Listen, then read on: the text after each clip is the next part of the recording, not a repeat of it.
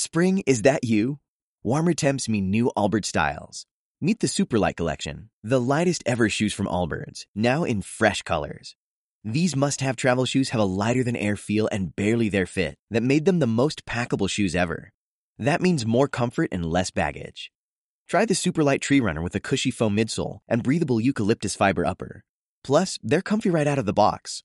So, what can you do in a Superlight shoe? What can't you do is the better question. And because they're super packable, the real question is, where are you taking them? Experience how Allbirds redefines comfort. Visit allbirds.com and use code SUPER24 for a free pair of socks with a purchase of $48 or more. That's A-L-L-B-I-R-D-S.com code SUPER24.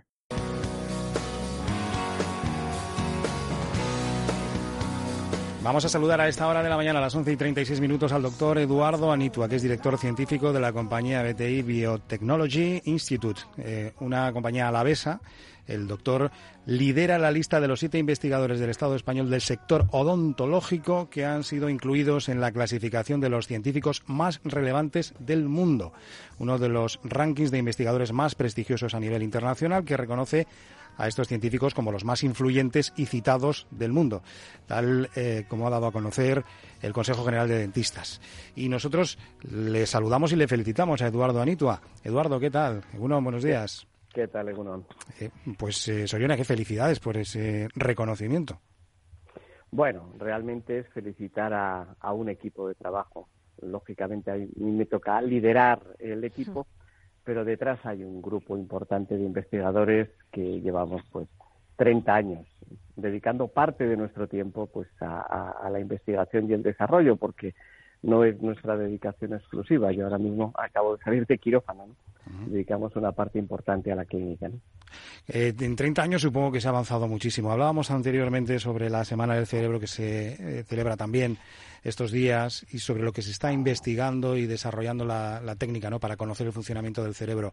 Eh, un órgano, pues quizás más desconocido que lo que puede ser la odontología. ¿no? en la odontología se ha avanzado tanto, ¿hay cosas todavía por descubrir? Bueno, yo creo que realmente está todavía todo por descubrir. O sea, cada día que comenzamos, lógicamente nuestra base es más sólida, pero hace 30 años nadie se imaginaba que hoy en día podíamos estar eh, regenerando hueso de los maxilares, que un paciente que había perdido sus dientes le podíamos poner implantes y salir con dientes el mismo día, y todo esto de una manera muy, muy atraumática. Eh, estamos llegando a cotas absolutamente impensables. Y quizá merece la pena destacar que en este caso la cirugía oral, todo lo que es el mundo de la implantología o de la odontología, quizá es de las áreas de la medicina eh, que ha sufrido un mayor crecimiento científico en estos últimos años. ¿Y a qué retos se enfrenta en el futuro? Hemos hablado de en qué hemos avanzado, pero ¿en qué deberíamos avanzar en el futuro? Bueno, yo no tengo ninguna duda que hay algo que tenemos que avanzar es en educar a la sociedad. O sea, los científicos no podemos hacer eh, nada si verdaderamente no conseguimos que la persona a la que le vamos a aplicar estos avances no toma conciencia de que su organismo, que su cuerpo, que su salud es su mayor patrimonio. No hay mejor momento que el actual para ser conscientes de ello. Hmm. Sí. Eh, doctor, eh, como decíamos, eh, este premio que mm, realiza la Universidad de, Stanford en ese ranking de científicos más citados, usted aparece, como decimos. ¿Qué tipo de, de artículos ha publicado para mm, tener este reconocimiento? Bueno, pues a que os hagáis a la idea, eh, yo he publicado en estos momentos como veintitantos libros y cerca de 500 artículos científicos. 500 artículos científicos, no está nada mal. No, la verdad es que no. sí, esto significa acostarse todos los días o desde luego todos los fines de semana llevarse a casa un par de papers para corregir, para escribir. Unos están en fase de finalización, otros de inicio, pero lo más importante es que quizá nuestro grupo estamos haciendo, y es por lo que salimos eh, pues en una posición muy diferente del resto, haciendo mucha investigación translacional. Eh, nosotros eh, tenemos una idea, tenemos una duda en la clínica, la llevamos al laboratorio, tenemos en estos momentos el privilegio de tener aquí en Vitoria el laboratorio quizá más importante del mundo en implantología oral. Bueno, no lo digo yo, lo reconoce este, este ranking, ¿no?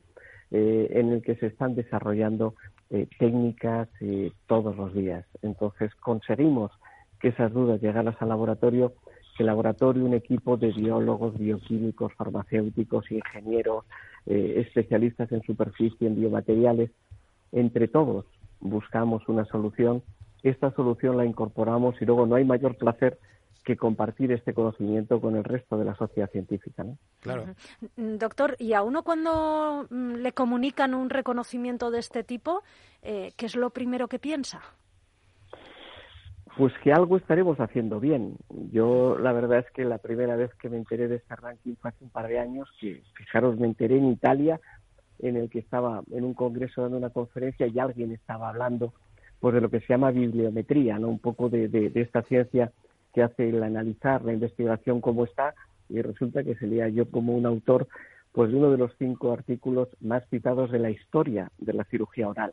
Y me quedé y me quedé muy sorprendido. Y luego cuando fui a hablar con esta persona me dijo sí sí doctora Anita si usted sale muy bien en el ranking y tal yo nunca le había prestado atención al ranking y en esta ocasión pues me llamó el, el, el vicerrector de la Universidad de Granada que son eh, expertos en bibliometría y que allí tienen una, una cátedra de, de análisis de, de, Big Data, lo mismo que tiene la Universidad de, de, Stanford, y le dijo, oye, Eduardo, mira, esto es la clasificación de Stanford. Y dice, bueno, pues algo, algo iremos haciendo bien y sobre todo lo más importante es que, por así decir, dentro de lo que es la investigación científica, nuestro equipo es un equipo joven y de los que tenemos por, por delante, eh, la mayor parte de esos científicos ya no existen. O sea, este es un, un ranking histórico de, toda la historia de la cirugía oral. Por lo tanto, en estos momentos de, investigadores vivos, pues estamos en lo alto del podio. Claro, y desde el alto, desde lo alto del podio, eh, Eduardo, ¿cómo se ve eh, ese surgimiento de eh, clínicas, franquicias que dejan a sus pacientes con los tratamientos a medias?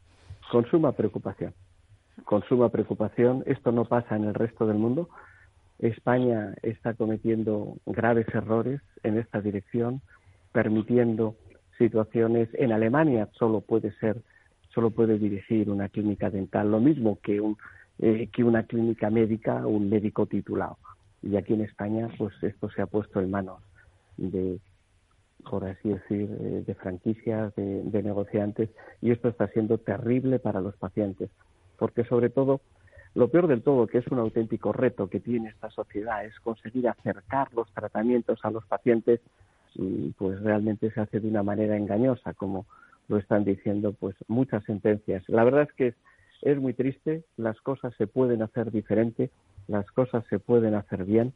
Tenemos que ir educando a la sociedad a, a que hay que cuidarse, a que nuestra salud es nuestro mayor patrimonio y luego pues pues que verdaderamente todos tenemos que intentar rodearnos de, profesionales de, podemos decir, reconocido prestigio y de un nivel de ética, pues, que esté por encima de los estándares, ¿no? Mm, claro, de alguna manera desprestigiar también la profesión, ¿no? Cuando surgen estos escándalos, ¿no?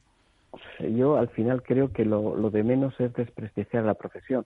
Lo peor es el sufrimiento que se está provocando a los pacientes. Eso sí que es terrible.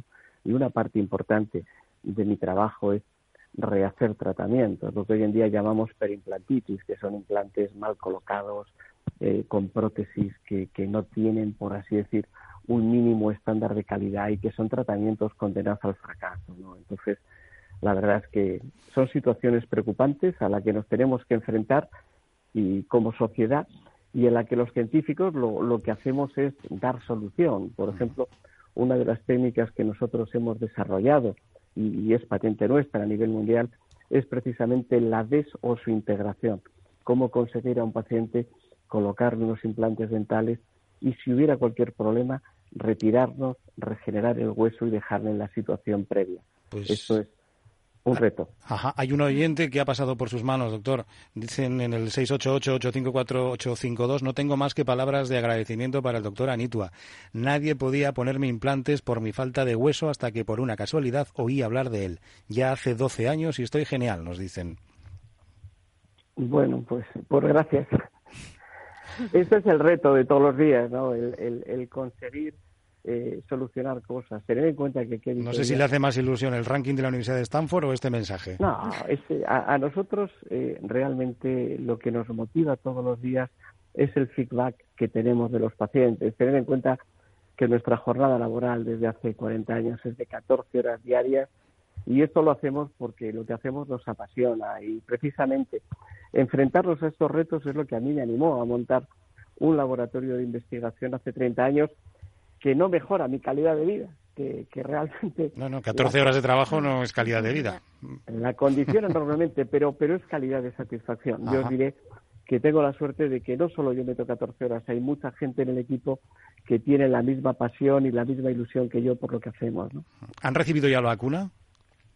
Sí, sí, yo recibí la vacuna eh, creo que a finales de la semana pasada y desde aquí aprovecho para decirle a todo el mundo que nadie dude que la ciencia es la que nos va a sacar de estas situaciones, que, los negacionistas, pues eh, desafortunadamente no dan soluciones, lo cual no quiere decir que, tenemos que exigir rigor a los científicos. ¿eh? No todos los científicos son éticos, esto está claro.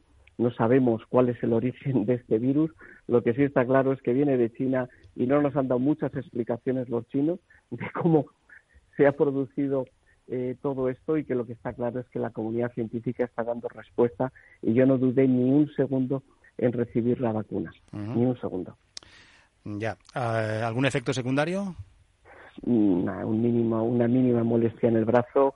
Eh, a, nosotros nos llamaron de un día para otro. Yo salí de quirófano, me cogí un taxi, me fui a vacunar con otra persona del equipo, volvimos y seguimos operando. O sea que esto fue nuestra vacunación. Pues muy significativo. Eduardo Anitua, pues eh, un placer ¿eh? charlar con usted y enhorabuena por ese premio que al final es un reconocimiento. Un abrazo y hasta otra. Pues nada, un placer y para mí lo importante es que es un reconocimiento a muchos sanitarios de este país que en estos momentos tan difíciles eh, están demostrando que la sanidad en el País Vasco está al máximo nivel. Hasta otra, Aur. Hasta otra, Aur. Aur. Onda Vasca Conecta. ¿Te preocupas por tu familia? Entonces, ¿por qué darles solo huevos ordinarios cuando pueden disfrutar de lo mejor? Eggland's Best, los únicos huevos con ese delicioso sabor fresco de granja, además de la mejor nutrición, como 6 veces más vitamina D, 10 veces más vitamina E y 25% menos de grasa saturada que los huevos regulares, además de muchos otros nutrientes importantes. Así que, dales los mejores huevos. Eggland's Best, mejor sabor, mejor nutrición, mejores huevos.